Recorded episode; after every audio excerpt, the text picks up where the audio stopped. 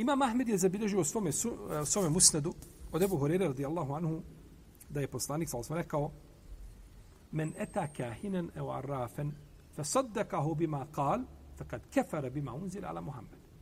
Ko dođe kod vraćara, od gatara, pa ga upita o nečemu i povjeruje u ono što je rekao, kaže, on je zanegirao ono što je objavljeno Muhammedu, sallallahu alaihi wa Ovo je drugi hadis koji je ima žešći kontekst od prvog. Jer ovdje se kaže da je on počinio šta?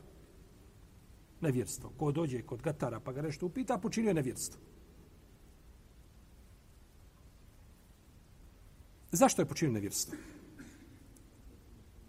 Uzvišen Allah kaže kul la ja'lamu men fi samavati wal ardi al gajbe inna Allah. Reci ne zna ko je na nebesima i ko je na zemlji gajb osim Allah. A gatari uglavnom govore o tome o gajbu. Tako. I oni imaju, braće, oni imaju, znači, mogućnost, ponekad imaju mogućnost da, da, da, da, ovaj, da kaže šta je, kako je, gdje je, da ga neko obavijesti nešto što je za ljude gajb. Iako to u datom momentu ne mora znaš da je gajb. U mene se komšija jedan ugušio. Pa su otišli, jel, odmah, kod koga će nego kod, tako, katarke, da vide šta je. Kaže, nemojte se, paže, plaho puno zahmeti, kaže da ga tražite, on je, kaže, mrtav. On se ugušio, kaže, on je sad izbačen, ne doj, negdje zakačio se, negdje, kakvo granje, šible. Tu je, naćete vi njega, ali kaže, nemoj, nemojte pokušati da ga spasite. I stvarno ga našli mrtva, tako, upravo tako kako je bilo. Oni mogu, znači, putem svoje vojske da nešto, je tako, čovjek ne smije povjerovati njemu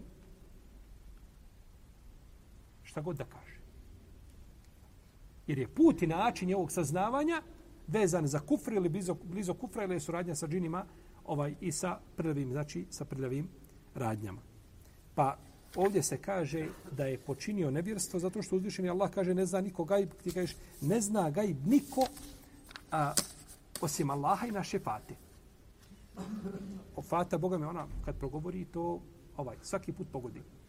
I onda si ti pripisao nešto čovjeku što je svojstveno samo Allahu.